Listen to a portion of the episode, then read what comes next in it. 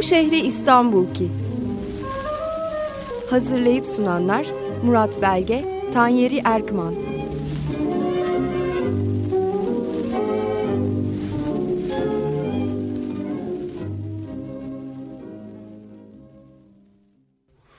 İyi günler, iyi pazarlar sevgili dinleyiciler. 94.9 Açık Radyo'da bu şehir İstanbul programında ben Murat Belge. Bu hafta e, Emirgan'da biraz gezinelim diye düşündüm. Emirgan semtin adından başlarsak e, bu adı 17. yüzyılda almış e, öyle tahmin ediliyor. 4. Murat zamanında işte bahçelik, bağlık, yeşillik e, bir Boğaziçi köyü e, semtiyken o tarihlerde 4. Murat bir e, sefere çıkıyor doğuda. Birkaç kere sefere çıkmıştır 4. Murat son e, böyle cengaver padişahlardan. E, Revan seferindeyken yani şimdiki Erivan e, bu şehri kuşattığında İranlı bir e, yöneticisi komutanı var Revan'ın. E, Yusuf Han Emir Güne adı. E, savaşmadan teslim ediyor şehri ve e, Murat'la ahbap oluyorlar böylece. Onun üzerine işte sefer dönüşü Emir Güne'yi de e, geri getiriyor, İstanbul'a getiriyor ve bu Emirgan dediğimiz e, daha sonra yerde ona gayet geniş bir arazi bağışlıyor. E, Feridun Bey bahçeleri denirmiş eskiden bu şeye, e, araziye. İşte Emir Güne buraya yerleşiyor, köşkler yapıyor falan filan. E, gel zaman git zaman da e, Emir Güne'den semtin adı Emirgan olarak hafif değişmiş olarak kalıyor. Emir Güne'nin e, başlıca özelliklerinden biri zevke sefaya hatta sefadan öte belki sefahate e, düşkün olması ve Murat'la iyi anlaşıyorlar. Şimdi dördüncü Murat bir yandan tarihte öyle gayet gaddar, e, her türlü keyfe düşman e, bir padişah olarak bilinir. İçkiyi yasaklaması gene normal hani bir işte Müslüman e, imparatorlukta ama sade içki değil. Tütün tüketimini yasaklıyor, kahveyi yasaklıyor, kahveleri kapatıyor e, falan. Demek ki bu e, sık sık tarihte gördüğümüz e, benim dediğimi yapın ama benim yaptığımı yapmayın e, diyen padişahlardan. Çünkü kendisi aynı zamanda bütün bu yasakladığı şeylere e, başta içki, şarap olmak üzere gayet düşkün. E, hatta kendisinin de Emir Güne'nin bahçelerinde lüzumundan fazla miktarlarda tükettiği şaraptan öldüğü rivayet olunur. Ama dediğim gibi bir yandan e, İstanbul halkını her türlü keyiften e, men etmiş vaziyette ve bunun sonucunda da zaten işte e, 4. Murat'la Bekri Mustafa diye e, bir takım hikayeler anlatılır. E, herhalde bu e, tarzda davranan bir padişah olunca e, İstanbul ahalisinin hayal gücü e, bu tür fıkralar üretmekte çalışmış. Bunlardan bir tanesi şimdi aklıma geliyor işte Bekri Mustafa içerken 4. Mustafa e, 4. Murat da e, tebdil kıyafette oralarda ve e, durumu görüyor falan işte aralarında konuşmaya başlıyorlar. E, hatta birlikte içiyorlar derken işte Murat ben kimim diye e, sorunca e, Bekri yavaş yavaş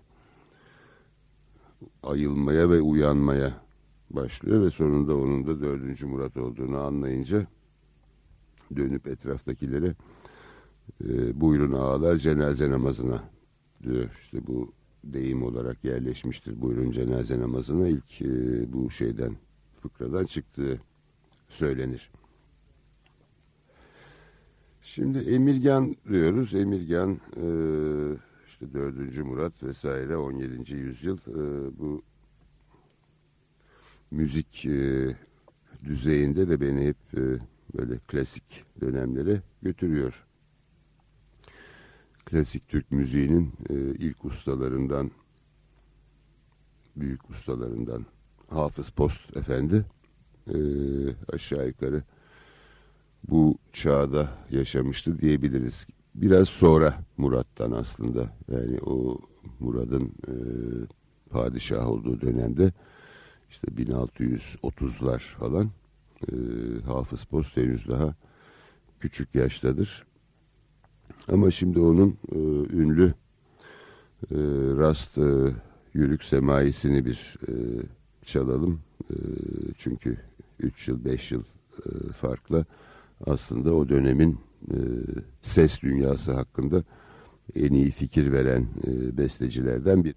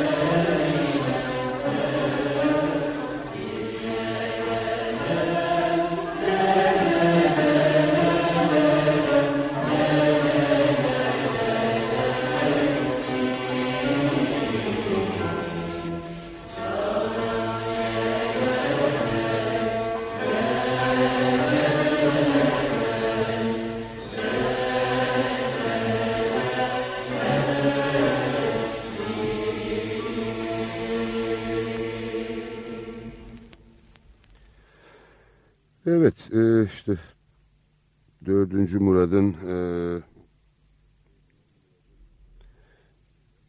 verdiği bu e, hediyeler Emir Güne'ye bana Boğaziçi tarihinde e, önemli bir e, dönemin başlangıcı gibi görünüyor. Biraz bundan e, söz edeyim. E, demin 4. Murad'ın gene işte sefere çıkan, cenge giden e, son padişahlardan biri olduğunu söylemiştim. Bu doğru. E, doğu tarafında işte Bağdat Fatihidir, e, Revan Fatihidir. Nitekim bu Bağdat ve Revan zaferlerinin kutlanması için Topkapı Sarayı'nda yapılan işte Bağdat Revan köşkleri vardır. O şeyleri son Osmanlı zaferlerini e, yad eder. Fakat 4. Murat'tan sonra artık e, böyle pek e, işte Cenk'ti, Sefer'di böyle şeyler pek kalmaz ya da en azından padişahın ordunun başına geçip e, sefere çıkması adeti pek görülmez. Çünkü Osmanlı İmparatorluğu'nda artık bazı e, ciddi e, yapısal değişimler söz konusu. Özellikle ikinci e, Viyana kuşatmasından sonra ki bu dördüncü Murat'tan e, bir süre sonradır.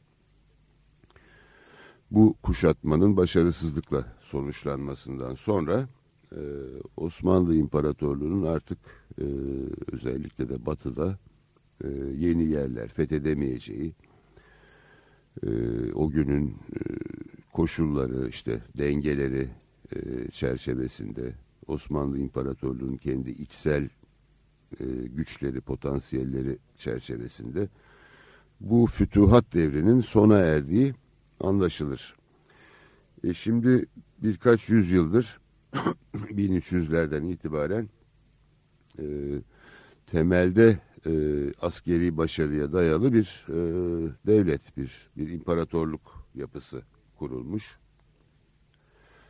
E, büyüyen bu devletin e, işte artan ihtiyaçlarının e, maddi olarak karşılanması büyük ölçüde e, askeri başarıların sonuçlarına bağlı. Ve böyle bir e, yapı e, bir an geliyor, bir dönem geliyor ve e, artık e, bu anlamda yeni başarılar kazanılamayacağı anlaşılıyor. Tabi bu e, böyle bir e, devlet, imparatorluk için ciddi bir sorun ve bunun başında bulunan insan, padişah, e, kendisini bu yeni koşullarda e, toplumda nasıl e, meşru kılacak e, ya da meşruiyetini nasıl e, sürdürecek? Osmanlılar bunu e, toplumun ileri gelenleriyle e, bir takım ayrıcalıklarını adeta paylaşarak çözmek yolunu denemişler. Şimdi dediğim gibi işte ikinci Viyana kuşatmasının e, başarısızlıkla sona ermesinden sonra artık var olan dengeleri bile e, korumak e, pek mümkün olmuyor. İşte bizim resmi tarih kitaplarımızda da gerileme devri filan denilen e, döneme giriyoruz. 1699 yani 17. yüzyılın e, son birkaç yılı içinde imzalanan Karlofça anlaşması ile Osmanlı Devleti bir kere büyük e, topraklar kaybediyor. E, bundan sonraki dönemde gene pek çok savaş olur ama artık hep e, Osmanlı'yı bir şeyleri korumaya çalışan taraf olarak görürüz artık. E, ilerlemek, yeni yer elde etmek falan bunlar mümkün olmaktan çıkmıştır. Elde olanı tutabilir miyiz, ne kadar tutabiliriz vesaire e, ve bu da çok fazla mümkün olmaz ve işte bir 18. yüzyıl boyunca e, ki bu 19. yüzyılda da tabii devam eder. E, hatta işte 1878-93 harbine kadar e, bu gerileme, kayıp vesaire e, süren bir olay haline gelir. İşte bu koşullarda e, 18. yüzyıldan itibaren Osmanlı padişahları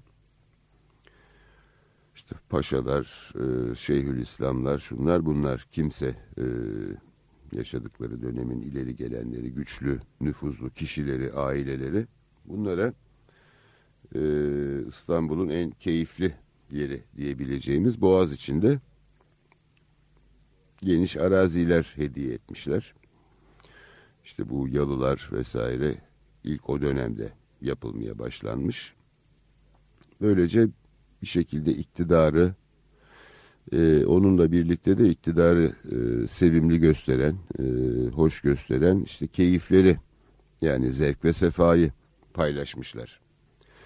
O bakımdan e, kendisi dediğim gibi sefere çıkan son padişahlardan olmakla birlikte e, 4. Murat sanki e, bu dönüm noktasını işaret eden kişiliklerden biri. E, Emir Güne'ye e, verdiği hediyelerle. Çünkü ondan sonra gelen padişahlar işte kardeşi İbrahim ondan sonra e, dördüncü Mehmet işte ikinci Ahmet ikinci Süleyman falan gibi işte e, iz bırakmamış bir takım şeyler e, zayıf kişilikli e, padişahlar hep e, benzer bir e, politika ile mesela 4. Mehmet Avcı Mehmet diye bilinir. E, sefere gitmemiş ama durmadan ava gitmiş. E, bütün bir e, imparatorluk mantığının bu şekilde değişmeye başladığını görüyoruz. E, Boğaziçi tabi e, uç noktalarını da hele düşünürsek e, öyle kolay erişilecek e, bir yer değil. Ayrıca akıntısı makıntısı e, deniz üstünden kolay e, gidilecek gelinecek bir yer değil. E, karadan bakarsanız da yollar mollar o tarihlerde yok. E, İstanbul'un ele alınmasından sonraki dönemde yani birkaç yüzyıllık bir dönemde e, Boğaziçi'nin tadını çıkarmak yalnız bir takım padişahların yapabileceği bir şey. Çünkü işte onların kayıkları var, e, kayıkçısı var vesaire. 18. Ee, yüzyıldan sonra da dediğim gibi e, devletlu diyebileceğimiz devletin içinde e, yakınında e, güçlü insanlar işte yalılar mallar yapmaya başlıyorlar. Ondan sonra asıl önemli dönemlerden biri Boğaziçi tarihinde tabii 19. yüzyıl işte Dolmabahçe Sarayı'nın yapılması Dolmabahçe'de başka sarayların Beylerbeyi küçük su vesaire gibi kasırların yapılması ve tabii en önemlisi buharlı geminin çalışmaya başlamasıyla e, işte Boğaz içinde gitme gelme zorlukları büyük ölçüde e, hallediliyor ya da kolaylaşıyor ve ondan sonra daha çok sayıda insan e, bu doğa harikası yerde evini, yalısını vesaire yaptırmaya başlıyor. Bu bakımdan da gene e, Emirgen e, bizim bildiğimiz e, daha sonraki Boğaziçi gelişmesinin erken e, örneklerinden bir tanesi sayılabilir. Şimdi e, Hafız Post'la başladık. Dördüncü Murat'la başladık. E, Hafız Post'tan bir parça daha çalarak devam edelim.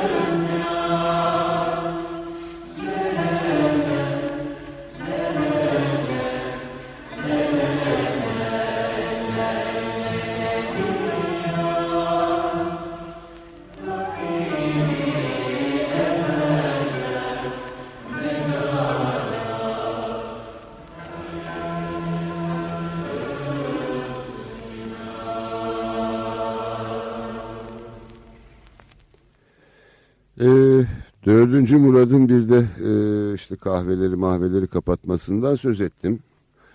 Bunlar hani bir padişahın kendi işte kafasına göre bir şeyler yapması, kaprisi filan gibi görülebilir şeyler ise de aslında pek öyle değil.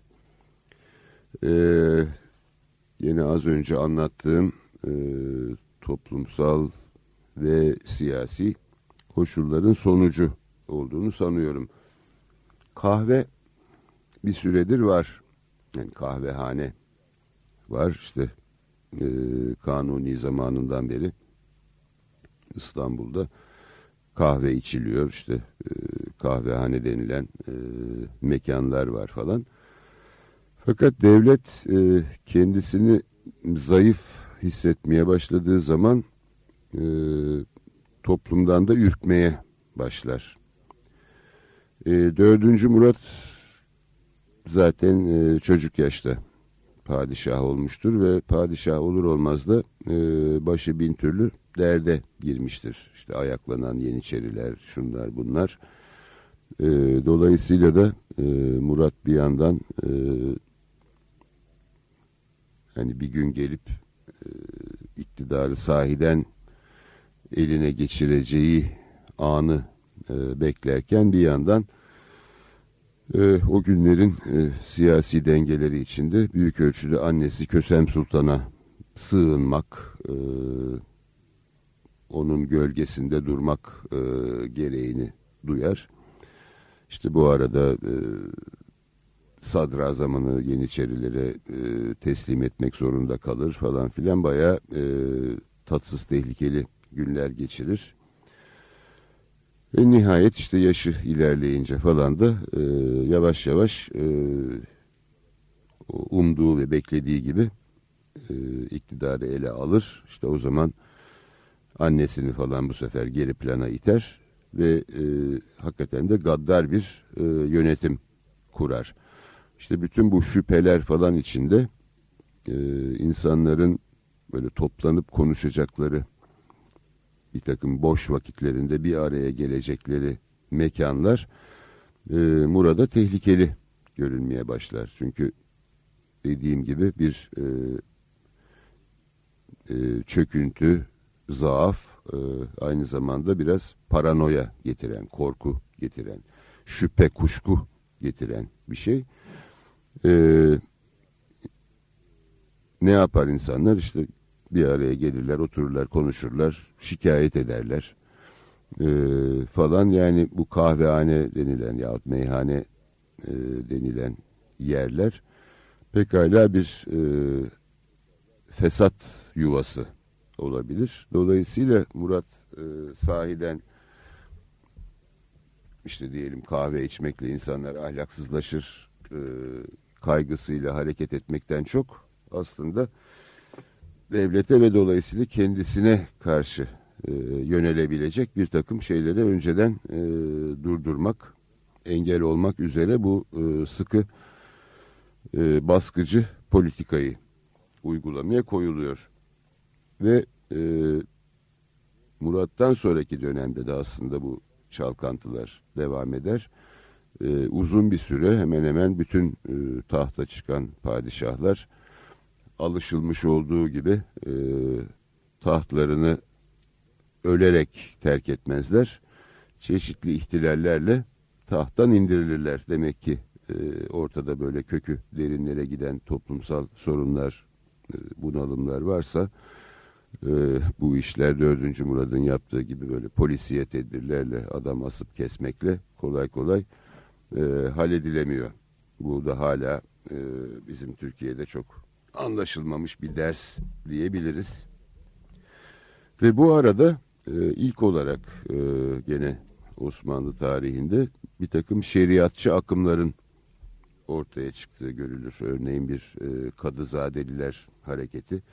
Bunlar Murat'tan sonra işte e, 4. Mehmet zamanında. Mehmet de gene çok küçük yaşta padişah oldu. 7 yaşında. E, dolayısıyla da onun saltanatı biraz uzun da sürdü. Çünkü bunun da başında gene Kösem Sultan hala duruma hakimdi. Sonunda e, Mehmet'in annesi e, Turhan Sultan Kösem'i halledip bu sefer o kendi e, haremden kaynaklanan iktidarını kurdu vesaire. Fakat o dönemde e, o dönemin ünlü tarihçisi Naiman'ın da e, anlattığı gibi işte bu Kadızadeliler hareketi falan hep e, o az önce değindiğim e, Osmanlı için gerçekten büyük e, bunalıma dayanıyor. Yani durmuş artık şey mekanizma eskisi gibi yürümüyor. E, çeşitli insanlar bundan çeşitli biçimlerde şikayetçi. Şikayet etmeye başlayınca da hele o günlerin koşullarında e, ilk akla gelen çarelerden biri bir e, eskiye dönmektir, geçmişe dönmektir. Yani çünkü geçmişte her şey iyiydi, şimdi bozuldu. E, o halde ne yapalım? İşte bir yolunu bulalım, tekrar e, eski döneme dönelim.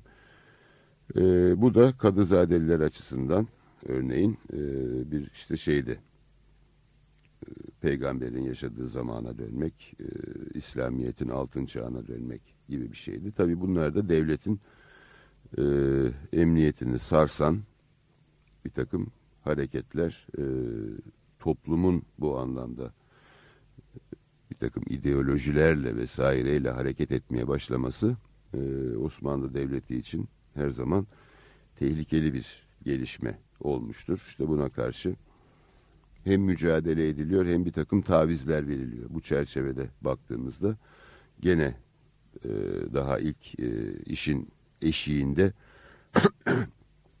dördüncü Murad'ın işte içkiye karşı sert cezalar e, uygulaması işte kahveleri kapatması falan filan böyle bir daha sonra gelişecek Kadızadeliler hareketi gibi hareketlere de verilmiş tavizler olarak kabul edilebilir. Çünkü o zahit, sofu Müslümanlığı memnun edecek e, bir takım şeyler yapmaya çalışıyor.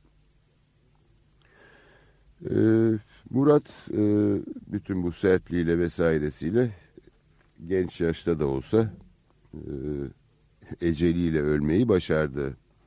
E, bazı başka kendini izleyen padişahlara o da nasip olmamıştı. Eceliyle ve padişah olarak öldü. Onun ölümünden sonra da e, işte bizim tarihi deli sıfatıyla geçen e, İbrahim kardeşi tahta çıkarıldı. E, İbrahim zamanında işte Kemankeş Kara Mustafa Paşa e, sadrazam oldu ve bu da gene Osmanlı tarihinin e, pek öyle değişmeyen şeylerindendir, kalıplarındandır. Bir önceki dönemin iktidar sahiplerini şöyle bir yok ettiler. İşte bu arada Emir Güne zavallı o eceliyle ölemedi. Ee, Emirgan'daki e, zevk ve keyif alemlerinin cezasını canıyla öyledi. Şimdi onun e, bu arazilerindeki köşklerden biri bugün hala bizim Emirgan'da gördüğümüz e, şerifler yalısıdır derler. Tam deniz kenarında değil biraz içeride kalır yapılan yol nedeniyle. Eskiden e, çok daha geniş bir kompleksin bir parçasıymış. Daha yakın zamanlarda harem ve selamlık olarak iki bina halinde dururmuş. Şimdi e, onlardan bir tanesi de yine gitti. E, biraz alçak e, bir binadır ve son dönemde artık Kültür Bakanlığı'nın elinde. Ee, Osmanlı konut mimarisinin en güzel örneklerinden biri. Ee, ayrıca içi e, işte havuzlu e, odası, e, bütün e, duvarlarındaki özellikle tavanlarındaki süslemelerle e, en güzel Boğaziçi yalılarından biri. Bu yalı 19. Ee, yüzyılın sonlarında e, bir ara Mithat Paşa da kısa bir süre burayı kiralayıp oturmuştu. Ama onun da fazla ömrü yetmedi bu şeye. E, yalının tadını çıkarmaya. Ünlü Şerif ailesine geçti. Yani onlar e, kiraladılar ya da sahip oldular daha doğrusu. Şerif ailesi yani e, Haşimi soyundan gelen Mekke Şerifi. Bu Haşimiler arasında çeşitli e, nüfuzlu aileler var. E, Mekke Şerifi olmak önemli bir e, ünvan, bir mevki. Ve Osmanlı padişahı bunlar içinden bir tanesini e, seçiyor. E, Abdülhamit son olarak e, Abdi İlah adındaki e, işte peygamber soyundan gelen e, Haşimi liderini Mekke şerifliğine e, tayin etmişti. Ve e, Abdillah aynı zamanda e, Osmanlı Meclisi'nde de üye olarak İstanbul'a gelip yerleşmişti. E, Tabi meclis çalışamadığı için Abdülhamit zamanında e, Abdülilah'ın mebusluğu da pek fazla sürmedi ama bunlar İstanbul'da kaldılar ailece. Ve Abdülilah'ın son e, dönemlerinde e, bir takım e, yeni koşulların getirdiği yeni e, entrikalar vesaire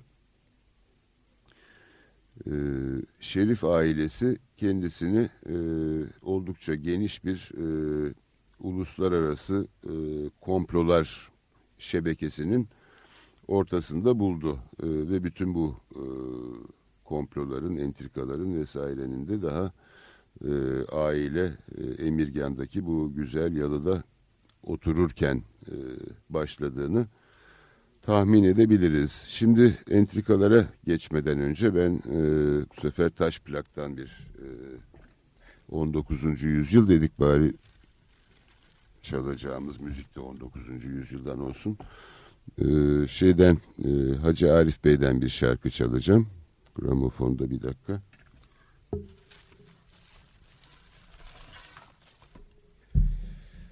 Ee, Mekke'den, Hicaz'dan söz ettiğimize göre e, Hicaz Kerkür diye bir e, şarkı olsun. Gurub etti güneş, dünya karardı. E, bunu taş plakta söyleyen de e, Nergis İyi Hanım. Yani daha önce e, Alafranga bir parçalarını çalmıştım. Lale ve Nergis Hanımlar e, İpekçi ailesinden gelirler.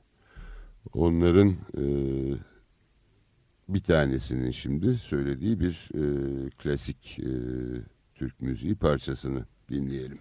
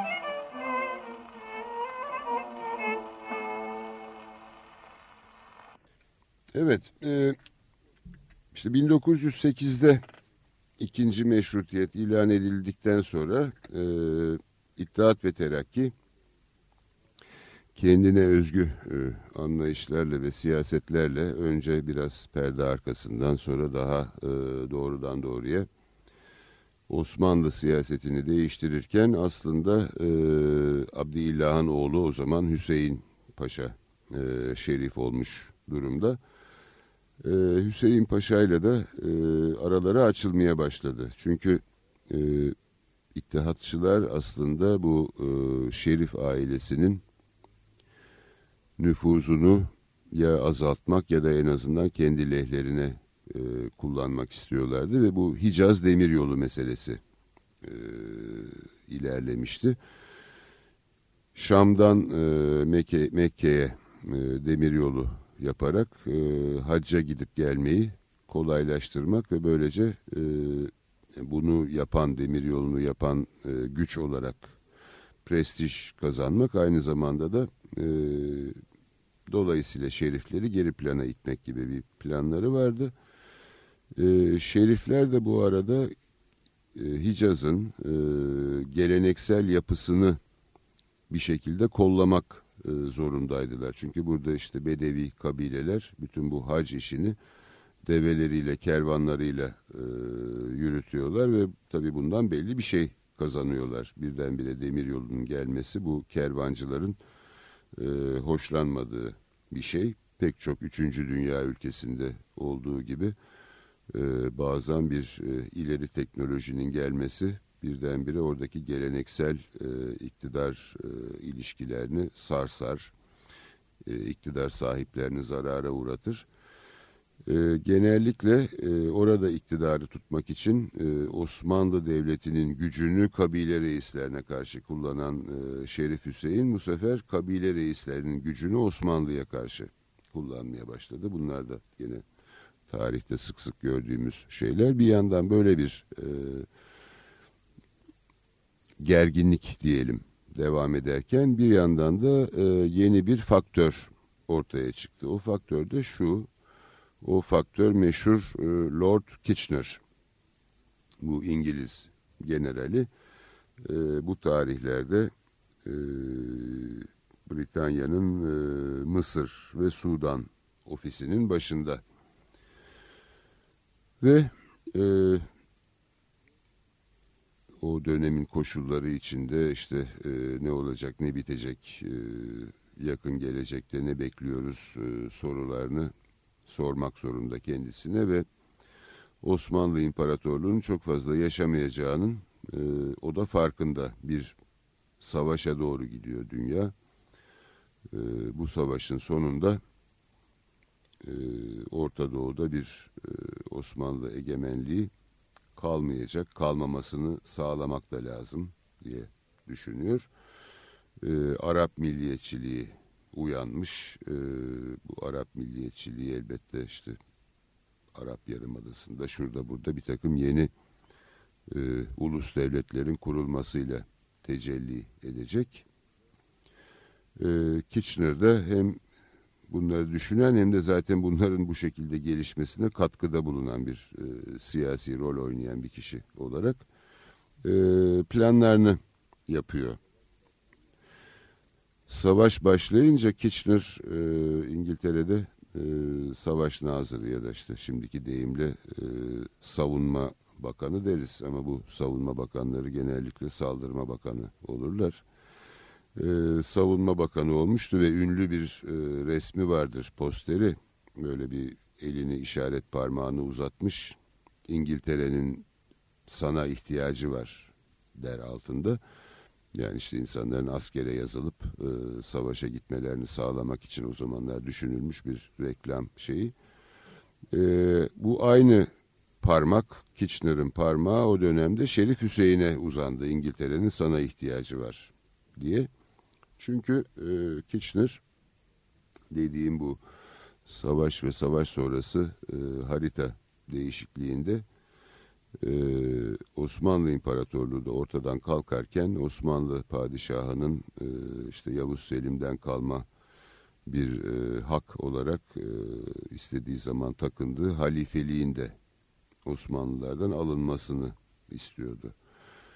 E, o zaman kim halife olacak? İşte buna en yakın aday olarak da e, Mekke Şerifi ailesini görüyordu. Ve eğer İngiltere e, bu değişiklikte belirleyici rolü oynar ve yeni halifeyi de e, o e, bu mevkiye getirirse dolayısıyla halife e, İngiltere'ye karşı bir e, şükran borcu duymak durumundadır. Bu da özellikle e, çok geniş sömürgeleri olan ve sömürgelerinde de bir hayli yoğun Müslüman nüfus olan İngiltere'yi e, yakından ilgilendiriyordu. Onlara söz geçirecek e, dini otorite İngiltere'nin yakın dostu olursa eh, demek ki Büyük Britanya'nın başına gelebilecek bazı şeyler, tehlikeler bu biçimde atlatılabilir. E, dolayısıyla da Kitchener bu politikaya girişti. E, Hüseyin Paşa ile temasa geçti. Hüseyin Paşa derhal bu fikrin üstüne atladı tabii. Ve e, işte Birinci Dünya Savaşı'nın sonunda e, bizim hep anlattığımız kendi açımızdan işte Araplar bizi arkadan vurdu, e, İngilizlerle anlaştı, bize ihanet etti filan diye anlatılan hikayelerin temelinde yatan olay budur. E, işte Lawrence vesaire meşhur casus e, onun e, Arap Yarımadası'na gittiği zaman başlıca e, temas noktası Şerif ailesidir. İşte onun oğulları Faysal vesairedir. Ama Kitchener'ın istedikleri hem bir miktar oldu hem bir miktar olmadı. Yani sonuç olarak işte savaştan Osmanlı Devleti sağ çıkmadı. Türkiye Cumhuriyeti çıktı. Arap Yarımadası'nda bir Türk nüfuzu egemenliği kalmadı. E, yeni ulus devletler kuruldu.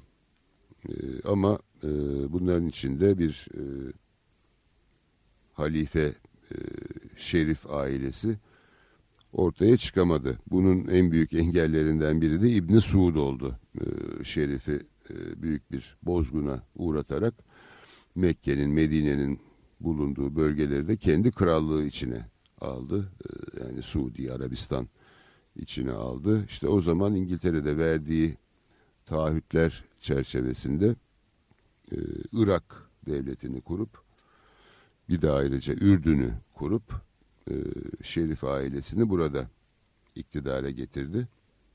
Ama bunlardan bir tanesi de gene fazla uzun ömürlü olmadı. 50'lerin sonunda e, bir ihtilalle Irak'ta rejim değişirken işte e, Şerif Hüseyin soyundan e, Kral Faysal e, işte onun amcası vesaire bunlar hepsi idam edildiler. Irak'ta e, Haşimi hanedanı sona erdi. Bugün sadece e, Ürdün'de e, gene Kral Hüseyin'le e, bu, bu hanedanın krallığı sürüyor ama burada da artık e, herhangi bir halifelik vesaire gibi bir şey e, kalmadı.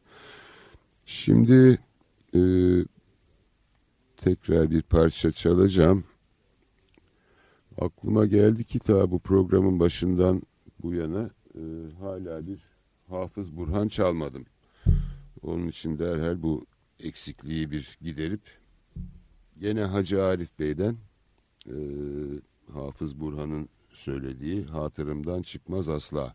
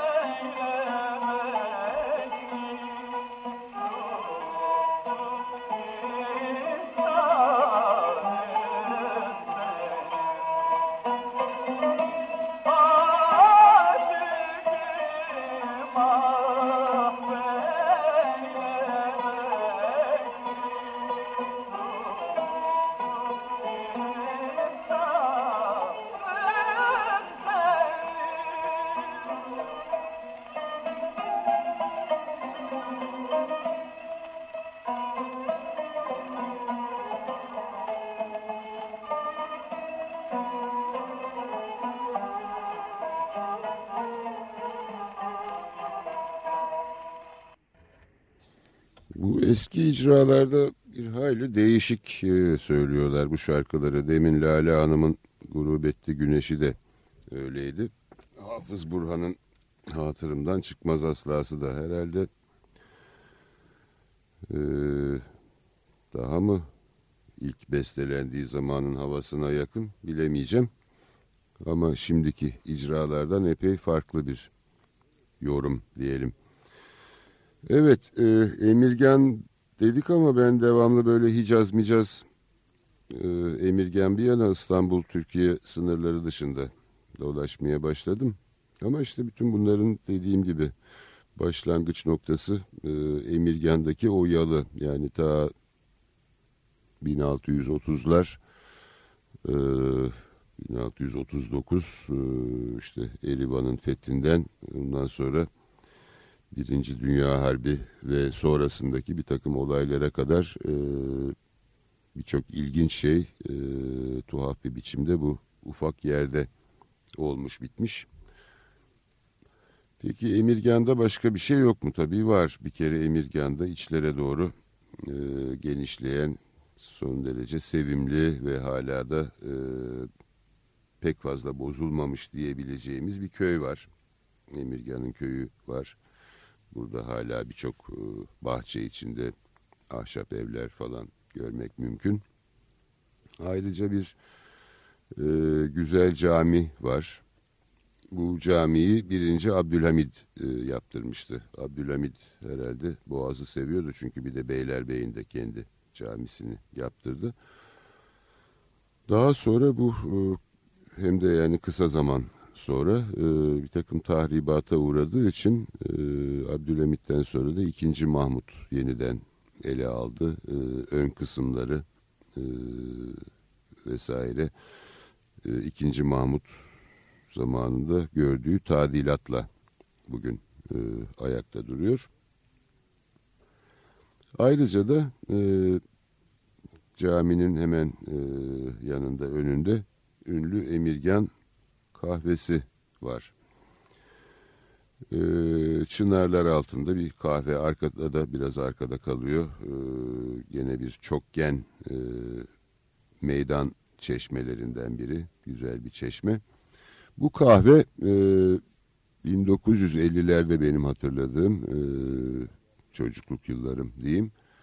Yahya Kemal'in e, buraya merak sarması ve dadanmasıyla e, bayağı ünlü olmuştu. Yahya Kemal bir ara hakikaten e, buraya pek bir e, bağlandı. E, hemen hemen her Allah'ın günü gider o kahvede oturur. işte çayını içer, kahvesini içer. E, çok sevdiği Boğaz içini seyrederdi. E, böyle ünlü tanınmış biri bir yere sık gitmeye başlayınca e, hemen bunun modası ortaya çıkıyor. Arkasından e, İstanbul halkı da bunu bir adet haline getirdi. E, ve böylece Emirgen kahvesi çok ünlü bir yer. Herkesin gittiği bir yer haline geldi. Şimdi hala bu şekilde devam ediyor. Daha gerilerde kahveyi geçip içeriye doğru saptığınızda da e, Hidiv İsmail Paşa'dan kalan e, daha sonra Çelik Gülersoy'un e, işte Sarı Köşk, Beyaz Köşk e, diye restore ettirdiği e, mekanlara geliyoruz. Böylece Emirgan'dan e, bir yol bizi Ürdün'e, Irak'a, Hicaz'a götürürken bir başka yolda belki Mısır'a götürebilecek. E, zaten Boğaziçi bu eski Osmanlı diyarının kocaman diyarın bütün nüfuzlularının gelip e, toplandığı ve e, bir keyfi sadece Boğaz içine özgü bir keyfi e, paylaştığı bir yer. Onun için e, normaldir gayrimüslimiyle, Müslümanıyla, işte şerifiyle, hıdiviyle, e, pek çok insanların e, evlerini, köşklerini, yalılarını burada yaptırmış olmaları. Dolayısıyla Boğaziçi tarihine baktığımızda aynı zamanda e, birçok şimdi bağımsız olmuş eskiden Osmanlı İmparatorluğu'nun parçası olan e, ülkenin tarihine de e, bakmak mümkün oluyor. Şimdi e, bir de son olarak şunu söyleyeyim. Orada tabii Sabancıların da malikanesi var. E, o da işte Hidivler, Şerifler varsa son dönemde de e, Sakıp Paşa saltanatı var diyebiliriz Türkiye'de. Onun e, malikanesinin önünde de bir e, ekvesteryen bir atlı heykel durur. Birisinin bana söylediğine göre eğer doğruysa bu heykel zamanında modadaki şimdi e, kız lisesi olan e, Mahmut Muhtar Paşa'nın e, köşkünün bahçesindeymiş herhalde onun zamanında eğer bu hikaye doğruysa Hacı Ömer e, bir şekilde satın aldı ve kendi köşkünün bahçesine yerleştirdi. Evet bugünkü e, programı da e, sonuna geldik. E, bitirirken e, bu sefer klasik Türk müziği değil de e, gene İstanbul'un gayrimüslim müziklerinden e, bir Rum parçasıyla bitireceğim. Bu e, Mikro Azi adındaki e, kasette e, icra edilmiş yani yenilenmiş haliyle ama e, köken olarak yine Türkiye topraklarından çıkmış bir e, Rum şarkısı.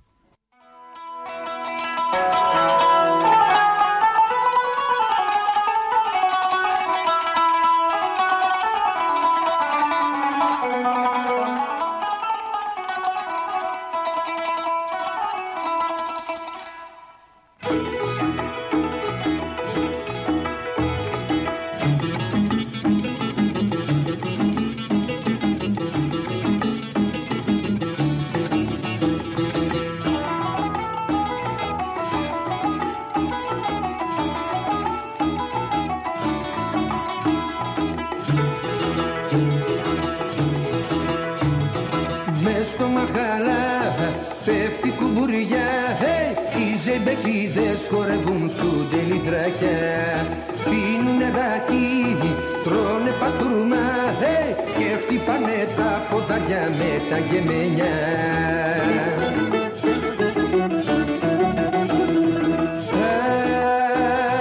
ε, Πάλι καριά ε,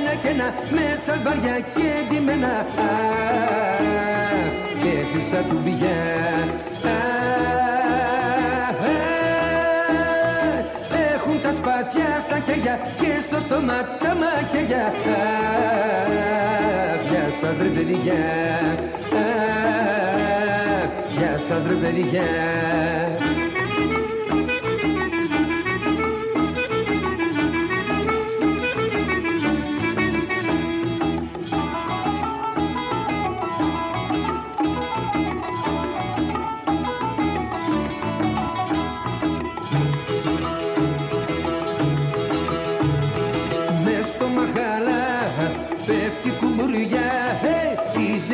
Ζεμπεκίδες χορεύουν στο τελειφρακιά και για το ντουνιάς σπάει ο ταμπουράς σπάει από το σεβδά του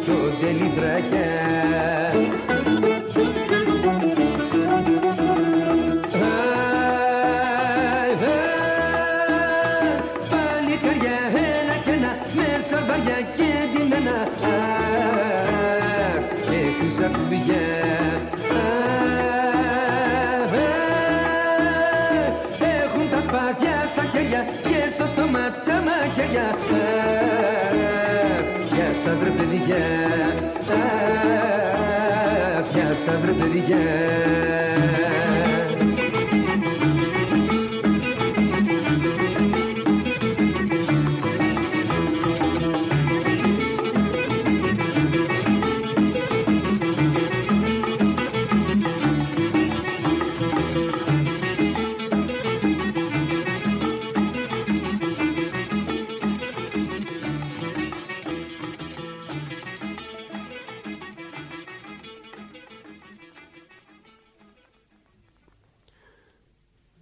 Bu haftada böylece biraz Emirgan'da biraz dediğim gibi daha uzak yerlerde dolaşmış olduk. Ee, haftaya tekrar buluşmak üzere. Hepinize iyi günler, e, iyi pazarlar.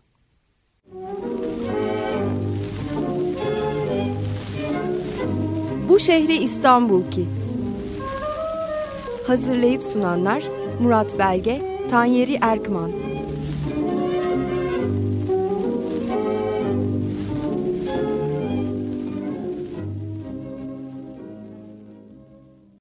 Açık Radyo program destekçisi olun.